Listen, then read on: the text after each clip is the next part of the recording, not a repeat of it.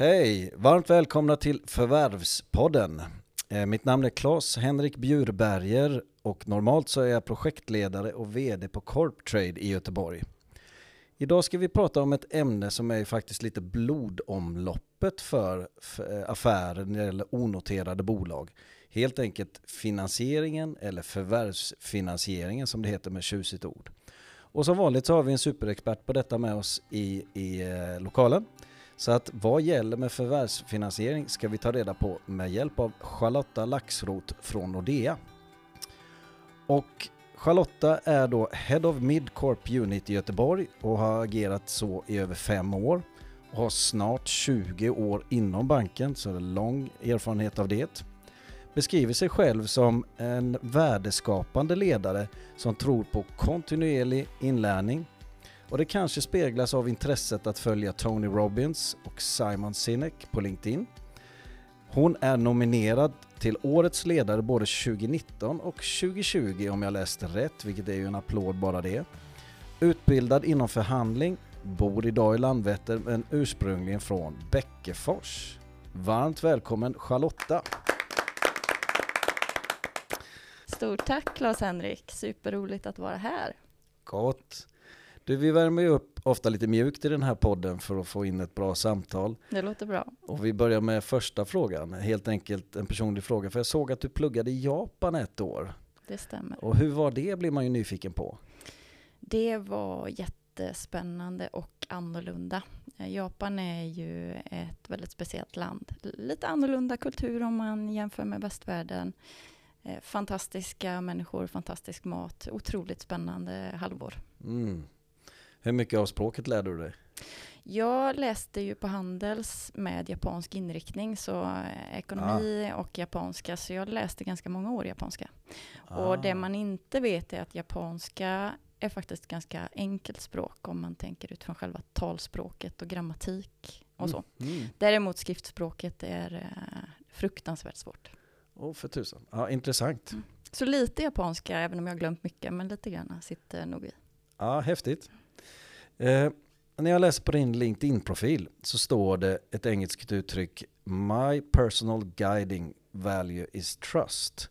Och då blir jag lite nyfiken på vad, vad betyder det för dig eh, så att säga? Ja, jag är nog ganska värderingsstyrd överhuvudtaget. Har ett gäng värderingar som jag ofta kommer tillbaka till, speciellt när jag inte riktigt vet hur jag ska agera i en situation. Och då guidar de mig. Och en av dem är trust, eller tillit kanske man kan säga också. Mm och jag ser det lite som grunden i alla relationer, oavsett om det är affärsmässiga eller privata relationer. Du vill ju kunna lita på den du gör affärer med, eller hur? Mm. Och samma sak, eh, dina närmaste vänner och, och, privata relationer vill man ha det också. Det, det ligger mycket i det ordet. Jag tror alltifrån liksom ägarskap, ansvar, eh, värdeskapande också. Att man, mm. att man hittar ett samarbete, mm, ja, någon att hålla i när det blåser om du förstår ja, vad jag menar. Ja, verkligen. Mm. Jag börjar skönja en röd tråd här redan. Eh, det finns ju ett kampsportsintresse, du har pluggat japanska, bott i Japan ett tag. En värderingsgrund som påminner åt det hållet, eller är jag ute och cyklar eller? Ja, men kanske hänger upp lite grann. Ja, kanske? ja intressant. Alright, nu eh, går vi in på ämnet här för dagen, förvärvsfinansiering. Eh, och idag eh, på Nordea, eh, hur många propåer får ni idag eh, gällande att låna pengar till köp och förvärv av bolag i, i rådande marknad så att säga? Mm. Det är absolut mer avvaktande nu, eh, men det sker fortfarande transaktioner. Och det vi ser är väl att det finns starka bolag som kan dra nytta av det här marknadsläget som vi har nu. Samtidigt ser vi att det är svårare för köpare och säljare att, att hitta varandra säljarnas förväntansbild har inte riktigt kommit ner där köparna är. Så att eh, absolut mer avvaktande även om vi, vi ser transaktioner.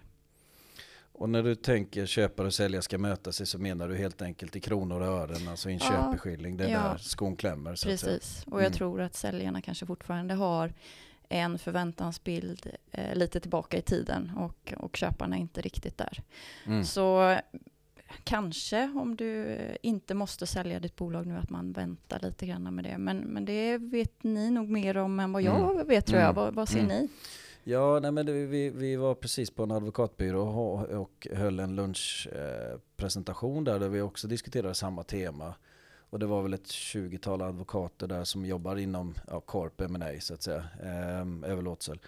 Eh, och vi, det är väl egentligen, vi delar väl alla och även din då, eh, ditt inspel här eh, Charlotta, att det är en något avvaktande eh, marknad, ja. Eh, köpare och säljares förväntan på varandra i en köpeskilling är eh, ibland en utmaning. Inte alltid, men ibland. Eh, sen kan jag tycka då av egen erfarenhet att de här serieförvärvarna som har lång historik jag tänker på Indutrade, Instalco etc. som har köpt bolag under 40-talet år, eller vad det nu är. Mm. De är ju fortsatt aktiva och eh, ja, de förvärvar bolag mm. fortsatt. Mm. Mm. Eh, och vad det tyder på, det vet jag inte, men andra investmentbolag som har haft en eh, stack and build-princip, alltså förvärvat en mängd bolag när vi haft en högkonjunktur nu då, som är över och sen blir helt passiva i den här marknaden. Det är ju någonting annat. Så att, ja, det är intressant. Mm. Jag har inte mer svar på frågan än så, men bra bolag med stabilt kassaflöde, där finns det alltid tagare, så att säga, alltså köpare. Mm. Mm. Nej, jag delar den bilden. Och om man tänker här att ett företag, eh, eller en aktör kan vi för enkelhetens säga, eh, skulle säga, söker finansiering för att köpa ett bolag hos Nordea. Vad skulle du säga är liksom de utmaningarna de stöter på? Ja, det, det beror lite på hur van man är att förvärva bolag tror jag. Och såklart också vilken finansiell position man är. Det som är vana vet ungefär vad de kan förvänta sig av oss banker, både vad gäller skuldsättningsnivå och också vilken typ av information som vi behöver för att kunna göra vår kreditbedömning på ett bra sätt. Och jag skulle nog säga att de allra flesta har förberett sig väldigt väl när de kommer till oss.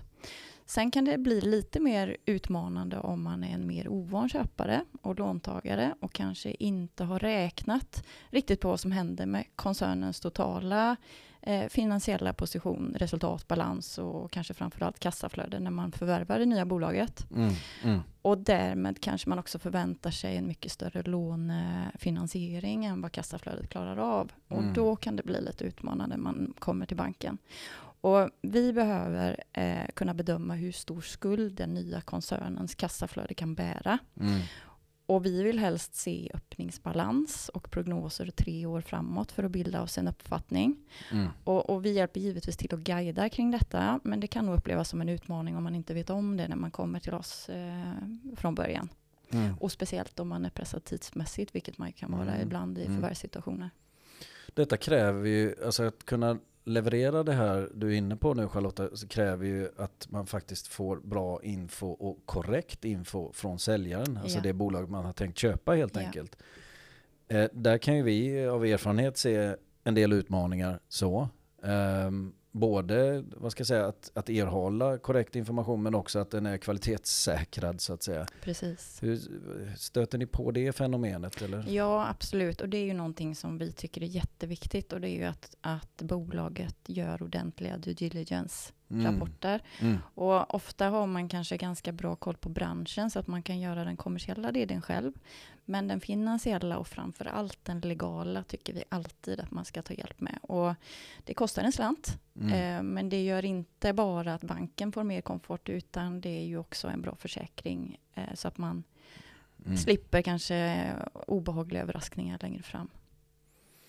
Ja men jag förstår. Och vad, vad, kan du se för överraskningar som skulle kunna liksom ske då? Är det helt enkelt att likviditetsbrist eller vad, vad ser du för Det kan ju vara, om man tittar man på den legala sidan så kan det ju vara tvister som man kanske inte vet om innan eller annat som, som ligger i kontrakt som man, mm. som man helt enkelt behöver hjälp med att granska så att man vet vad som, som, som finns i böckerna. Mm. Mm. Ja, jag förstår. Som exempel. Ja, jag förstår.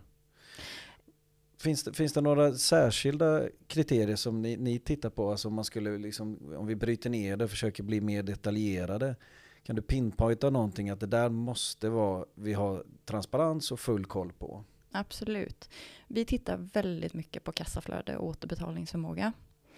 Eh, till syvende och sist så är det ju kassaflödet som ska klara av att betala tillbaka våra krediter. Så det är det absolut viktigaste. Mm. Ett nyckeltal som vi nästan alltid tittar på i den aspekten är nettoskuld till ebitda. Mm. Och det åskådliggör bolagets skuld i förhållande till genererat kassaflöde, det vill säga skuldsättningen. Och det ger en indikation på hur fort skulden kan återbetalas, men det är ingen garanti. Eh, för det beror också på vad kassaflödet ska täcka i övrigt. Har man ett stort reinvesteringsbehov exempelvis så måste Mm. man ta hänsyn till det. Men det är ett nyckeltal som vi tittar mycket på. Men det viktiga är ju någonstans egentligen att försöka förstå själva fundamentan bakom siffrorna.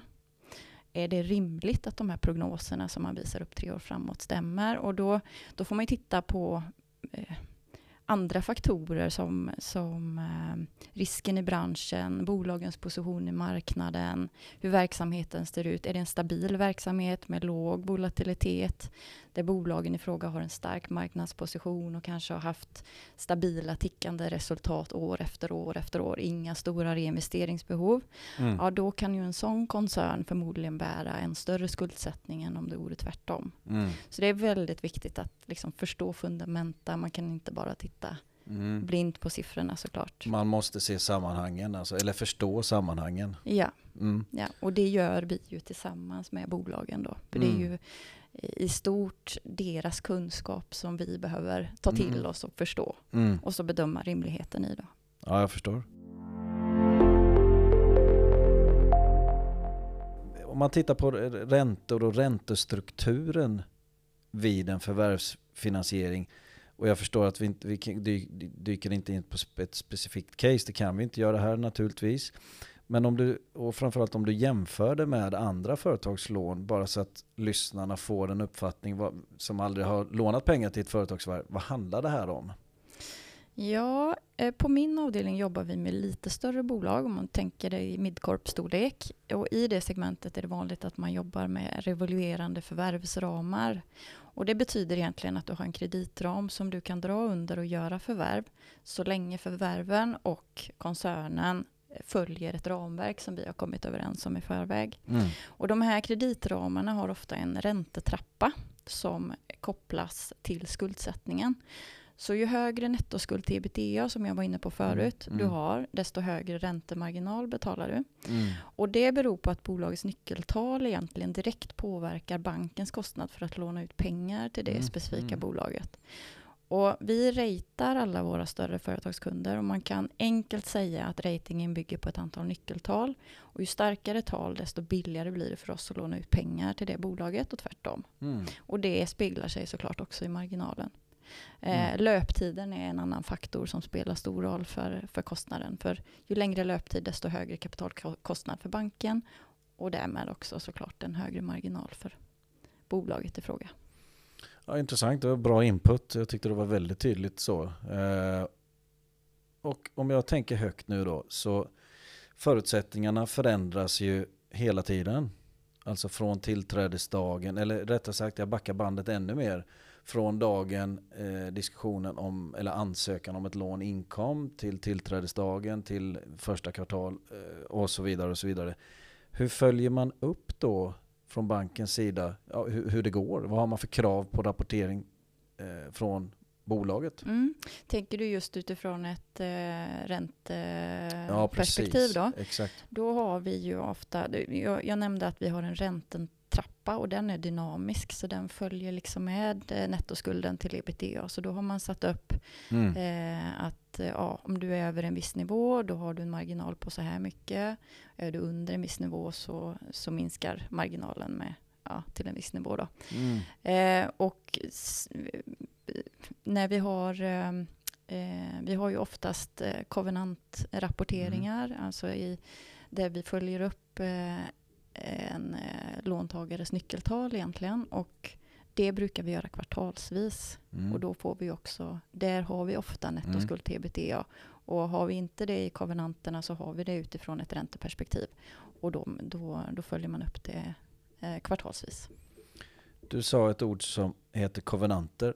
Du får gärna förklara för lyssnarna vad, vad är en kovenant? Absolut. Eh, om man pratar om säkerheter överhuvudtaget så rent allmänt vid kreditgivning så gillar ju vi banker att ha pantbrev.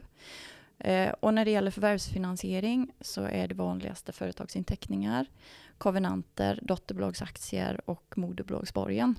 Mm. Eh, och kovenanter då, om man är lite ovan att jobba med dem, så kommer vi överens om nivåer på olika nyckeltal Mm. som inte får överskridas eller underskridas beroende på hur nyckeltalet ser ut. Då. Och det är det här ramverket som jag nämnde tidigare. Vanliga finansiella nyckeltal till exempel eh, nettoskuld till ebitda då, Mm. debt service coverage ratio, räntetäckningsgrad och soliditet med flera. Mm. Och man väljer egentligen de nyckeltalen som är relevanta för det här specifika bolaget, branschen och kanske situationen. Mm. Eh, sen kompletterar man ofta med olika icke-finansiella kovenanter och ett exempel på det är till exempel negativklausuler som innebär att man inte får ta upp annan skuld. Du får inte sälja materiella delar av bolaget. Du får inte ställa eh, pant till en annan part och så vidare utan att prata med banken först. Mm. Och det finns massa olika delar man kan jobba med här beroende på vad som passar in för just det specifika bolaget. Och det här blir som ett ramverk som anpassas utifrån bolagets prognoser. Så att vi utgår från vad bolaget själva säger att de ska ligga och så lägger vi Mm. ett headroom så att man liksom inte slår i taket på en gång. Mm. Eh, och så länge eh, koncernen håller sig inom det här ramverket så är vi nöjda. Mm. Och om man trillar utanför ramverket så är ju det en indikation på att något inte har gått som bolaget har tänkt sig. Och då blir det med automatik en, en situation där vi får sätta oss ner och, och diskutera vad är det som har hänt och vad gör vi tillsammans för att lösa det här på bästa sätt framåt. Kan räntan gå upp med andra ord då om man säger så här, riskbedömningen blir en annan? Ja, det, det kan den absolut göra och, Mm. och det hänger ju också ihop med bankens kostnad. För om risken Mm. Mm. ökar, då ökar även vår kapitalkostnad. Mm. Så det hänger ihop alltihopa det där. Mm, jag förstår. Det här finansiella ramverket eh, som du gick igenom här, det är, det är nog många som kanske lyssnar som känner lite att eh, det där var många ord och man liksom har lite svårt att förhålla sig till alla de här delarna. Men om jag tänker på en kovenant som vi har stött på, det är ju att man inte får göra utdelningar. Ja, Så, utan att, vad säga, så att säga meddela och, eller kanske inte får göra det alls förrän då eh, kredit, krediten är återbetald. Det är korrekt va? Det kan vara ett exempel. Ja, det är absolut ett exempel och den kan se ut på olika sätt den utdelningsklausulen. Men det är ju ett exempel på en icke-finansiell eh, kovenant. Då. Just det. Men som sagt, det finns väldigt många delar som man kan jobba med. Mm. Och om jag, eh, om jag hängde med rätt här så en klassisk säkerhet är väl pantförskrivning av aktier. Så. Mm, Ja. precis. Och moderbolagsborgen. Alltså att det bolaget som har köpt bolaget går i borgen även där uppe så att säga. Ja. Eh, vi vill ju helst titta på konsoliderade nyckeltal så att Mm. man kan luta krediten mot koncernens totala finansiella position och totala kassaflöde. Mm. Och där blir moderbolagsborgen viktig för den håller ihop allting. Mm. Mm. Eh, sen är det också viktigt att tänka på att man äger eller att man köper en tillräckligt stor del av bolaget man förvärvar om man vill kunna tillgodogöra sig kassaflödet från det förvärvade bolaget. Så, att du köper över, blir ja, rätt. så att du köper Ja. över 90 procent så att du kontrollerar kassaflödet. Köper du under det, då blir det väldigt svårt för banken att göra en bedömning av hur mycket eh, man kommer kunna tillgodogöra sig av kassaflödet ifrån det Mm. förvärvade bolaget. Just det. Så det är också en sån där parameter som man kanske inte alltid tänker på. Du, jag satt och tänkte på, eh, är det vanligt att det till och med, eller till och med ska jag inte säga, är det vanligt att det begärs eh, personlig borgen? Det händer eh, och det är nog vanligare kanske i de lite mindre krediterna. Vi ser det ganska sällan. Det Ja. händer hos oss också, men, men lite mer sällan. Ja. Eh, nu kom ett påstående från mig och du, du får rätta mig om du tycker att det är fel. Men jag kan tänka mig att det är en hel del propåer på den lite lägre nivån då som, som är liksom eh, kanske inte är hundraprocentiga. Alltså att eh, vad ska jag, materialet som lämnas in enkelt uttryckt är inte hundraprocentigt och det krävs uppföljningar. Och naturligtvis då ni eller en annan bank för den delen får lägga ganska mycket tid på det.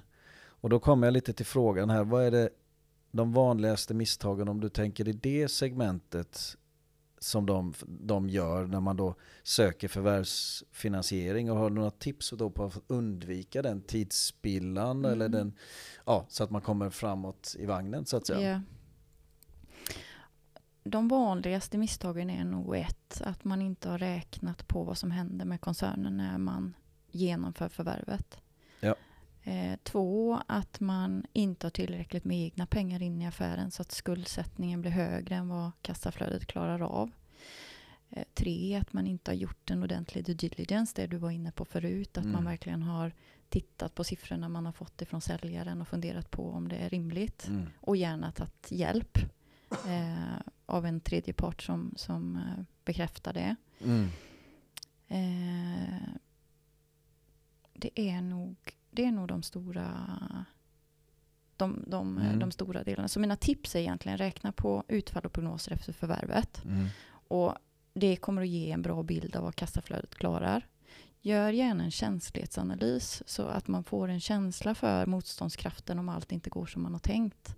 Och utgå då gärna ifrån riskerna som finns i branschen och testa kassaflödet. Vad händer om räntan ökar? Vad händer om marginalen kanske inte har den utveckling som man har tänkt sig? Vad händer om vi får en konjunkturdipp? Mm. Mm. Ehm, så får man i alla fall en liten känsla för, för hur känsligt kassaflödet är. Mm. Och eh, ta hjälp med ordentliga DDs då, som jag var inne på. Mm. En liten fjärde också, och det kom gärna till oss i tid om det går. Mm.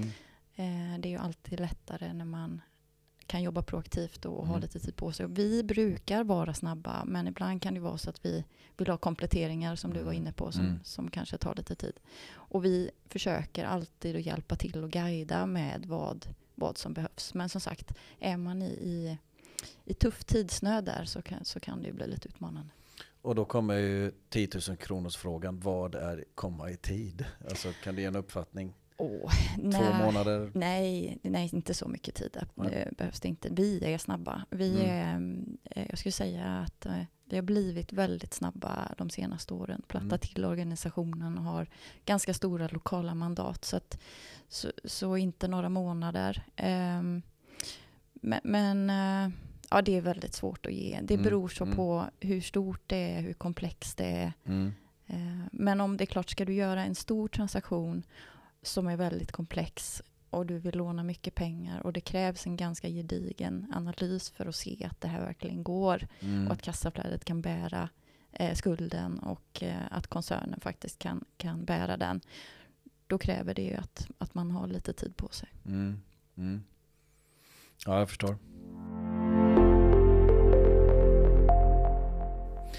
Man kan ju inte undgå här att eh, det som händer i eh, omvärlden, eh, nu kommer det ju ett, vad ska jag säga, ett nytt krig här, inte Ja, långt är hemifrån. vilket är ju, man undrar ju var världen är på väg. Så. ehm, och det går ju inte att inte ställa frågan då, alltså, med tanke på liksom det som sker i omvärlden. Eh, Nordeas syn på förvärvsfinansiering, har det, har, det, har det förändrats på något vis på grund av de här globala händelserna så att säga? Nordea är en väldigt stabil bank. Vi har en av Nordens absolut starkaste balansräkningar. Och vi är öppna för affärer även i mer utmanande tider. Och som jag nämnde tidigare finns det starka bolag som gör fina affärer nu. Mm. Eh, och vår syn är att det finns starka bolag i alla marknader och i alla branscher. Eh, Mm. och vi är absolut intresserade av att göra bra affärer med starka bolag. Mm. Eh, sen såklart ställer vi frågor om det, de aktuella marknadsförutsättningarna just vid varje specifikt tillfälle så att vi Mm. verkligen förstår risken och kan göra en bra kreditbedömning. Men, men det, är, det är mer som vanligt skulle Mm. jag säga. Mm. Eh, som sagt, vi, vi står starka och eh, kommer att fortsätta göra bra affärer med starka bolag. Mm. Och jag vill också vara tydlig med att vår ambition är att vara en stabil och långsiktig partner även när det är lite utmanande tider. Mm. Ja det kan vi minst sagt säga att vi har. Alltså, vi har ju ändå trots allt i princip gå, pre, i, nyligen gått igenom en global pandemi. Vi har ett krig i närområdet i Europa, i Ukraina. Och så ett nytt då, eh, pågående krig, det här nystartat i Palestina. Israel-konflikten. Så att eh, ja, utmanande tider. Ja. Det kan vi väl lugnt skriva under så, tyvärr. Och vi har ju haft det i ganska många år nu faktiskt. Om Mm. man backar tillbaka till pandemin. Så att, eh, Mm. Ja, det är inte temat för podden som tur är, men man, vi, man påverkas ju av det naturligtvis. Om vi tänker här med digitalisering, eh, teknik, eh, kanske AI, vad vet jag. Eh, helt enkelt teknikens framsteg. Har det påverkat processen för för förvärvsfinansiering på något sätt? Ja, det är nog framförallt processerna, precis som du är inne på, som har påverkats av digitaliseringen. Vi har bättre system som möjliggör en snabbare hantering i många delar av just processen. Eh, från kreditanalysen till upprättande av beslutsunderlag till själva beslutsfattandet. Mm. Men, men går man tillbaka till själva kreditbedömningen så är den i stort densamma. Det är fortfarande människor som bedömer kreditrisken. Förutom för de väldigt små krediterna, där har man en mer automatiserad process. Ehm, mm. Mm. Sen nämnde jag förut att vi har en, en ganska platt organisation nu som gör Mm. oss väldigt snabba. Men det är kanske mer en följd av digitaliseringen än, än digitaliseringen som sådan. Du, du nämnde det platt organisation. Då kommer det en följdfråga på det. Eh, vad innebär det rent konkret om någon söker en, en förvärvsfinansiering? Behöver vi säger eh, 50 miljoner eh, och egen, eget kapital utöver det. Ska köpa ett bolag, man kommer till er. Går beslutet upp till Stockholm och vänder eller hamnar, kan det stanna här i Göteborg eller hur- ser det ut? Vi har ett väldigt stort mandat i eh, Region Väst som vi kallar vår region här. Mm. Som inne, inkluderar Göteborg. Mm. Så att eh, det är, utan att, att nämna några nivåer eller belopp, men det är väldigt mycket som stannar här. Gott att höra. Mm. Vi är ju rätt bra på västkusten. eller hur? så är det. Ehm, så, så, kan du, jag vet att vi inte kan gå in på bolagsnamn naturligtvis eller belopp och så vidare med tanke på banksekretess. Men kan du nämna, kan du måla en bild för lyssnarna, ett exempel på en framgångsrik förvärvsfinansieringsaffär som ni har varit med i och liksom beskriva utan att nämna vilka som var med i det.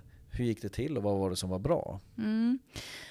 Ja, precis som du är inne på här så får vi ju inte kommentera några specifika transaktioner. Eh, men jag kan prata lite mer generellt. Mm. Och eh, framgångsrika förvärvsfinansieringar kännetecknas ofta av hög transparens från alla parter.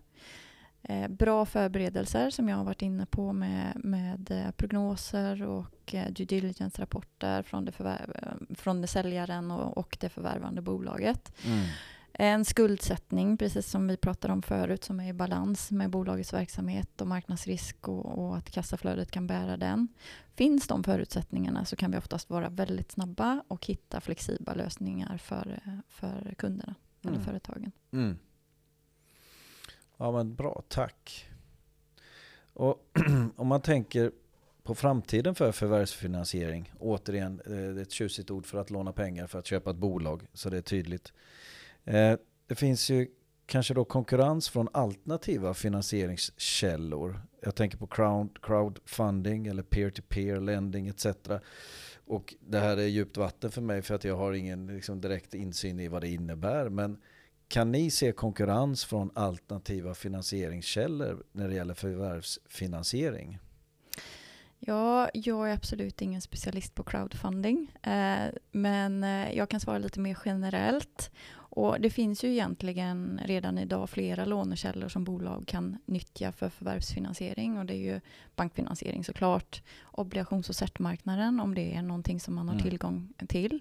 Eh, sen finns det olika typer av lånefonder, det finns finansbolag och det finns crowdfunding och peer-to-peer lending som du, som du nämner. Och hur stor del av marknaden som de olika aktörerna tar beror lite grann på ma- marknadsförutsättningarna vid varje givet tillfälle. Om man tittar till exempel under pandemin när osäkerheten var som störst eh, så stängde ju i princip obligationsmarknaden Mm. och då eh, blir ju bolagen mer beroende av bankerna. Mm. Eh, och jag tror egentligen att bankerna kommer fortsatt vara en viktig finansieringskälla för förvärvsfinansiering även framåt tillsammans med andra aktörer. Eh, med det sagt så är det ändå sannolikt att implementeringen av Basel 4-regelverket kommer att påverka bankfinansieringsmarknaden framåt. Baselreglerna är ett europeiskt regelverk som reglerar bankerna i Europa och som skärptes rejält efter finanskrisen. Mm. Och syftet med Basel är att skapa en mer robust banksektor.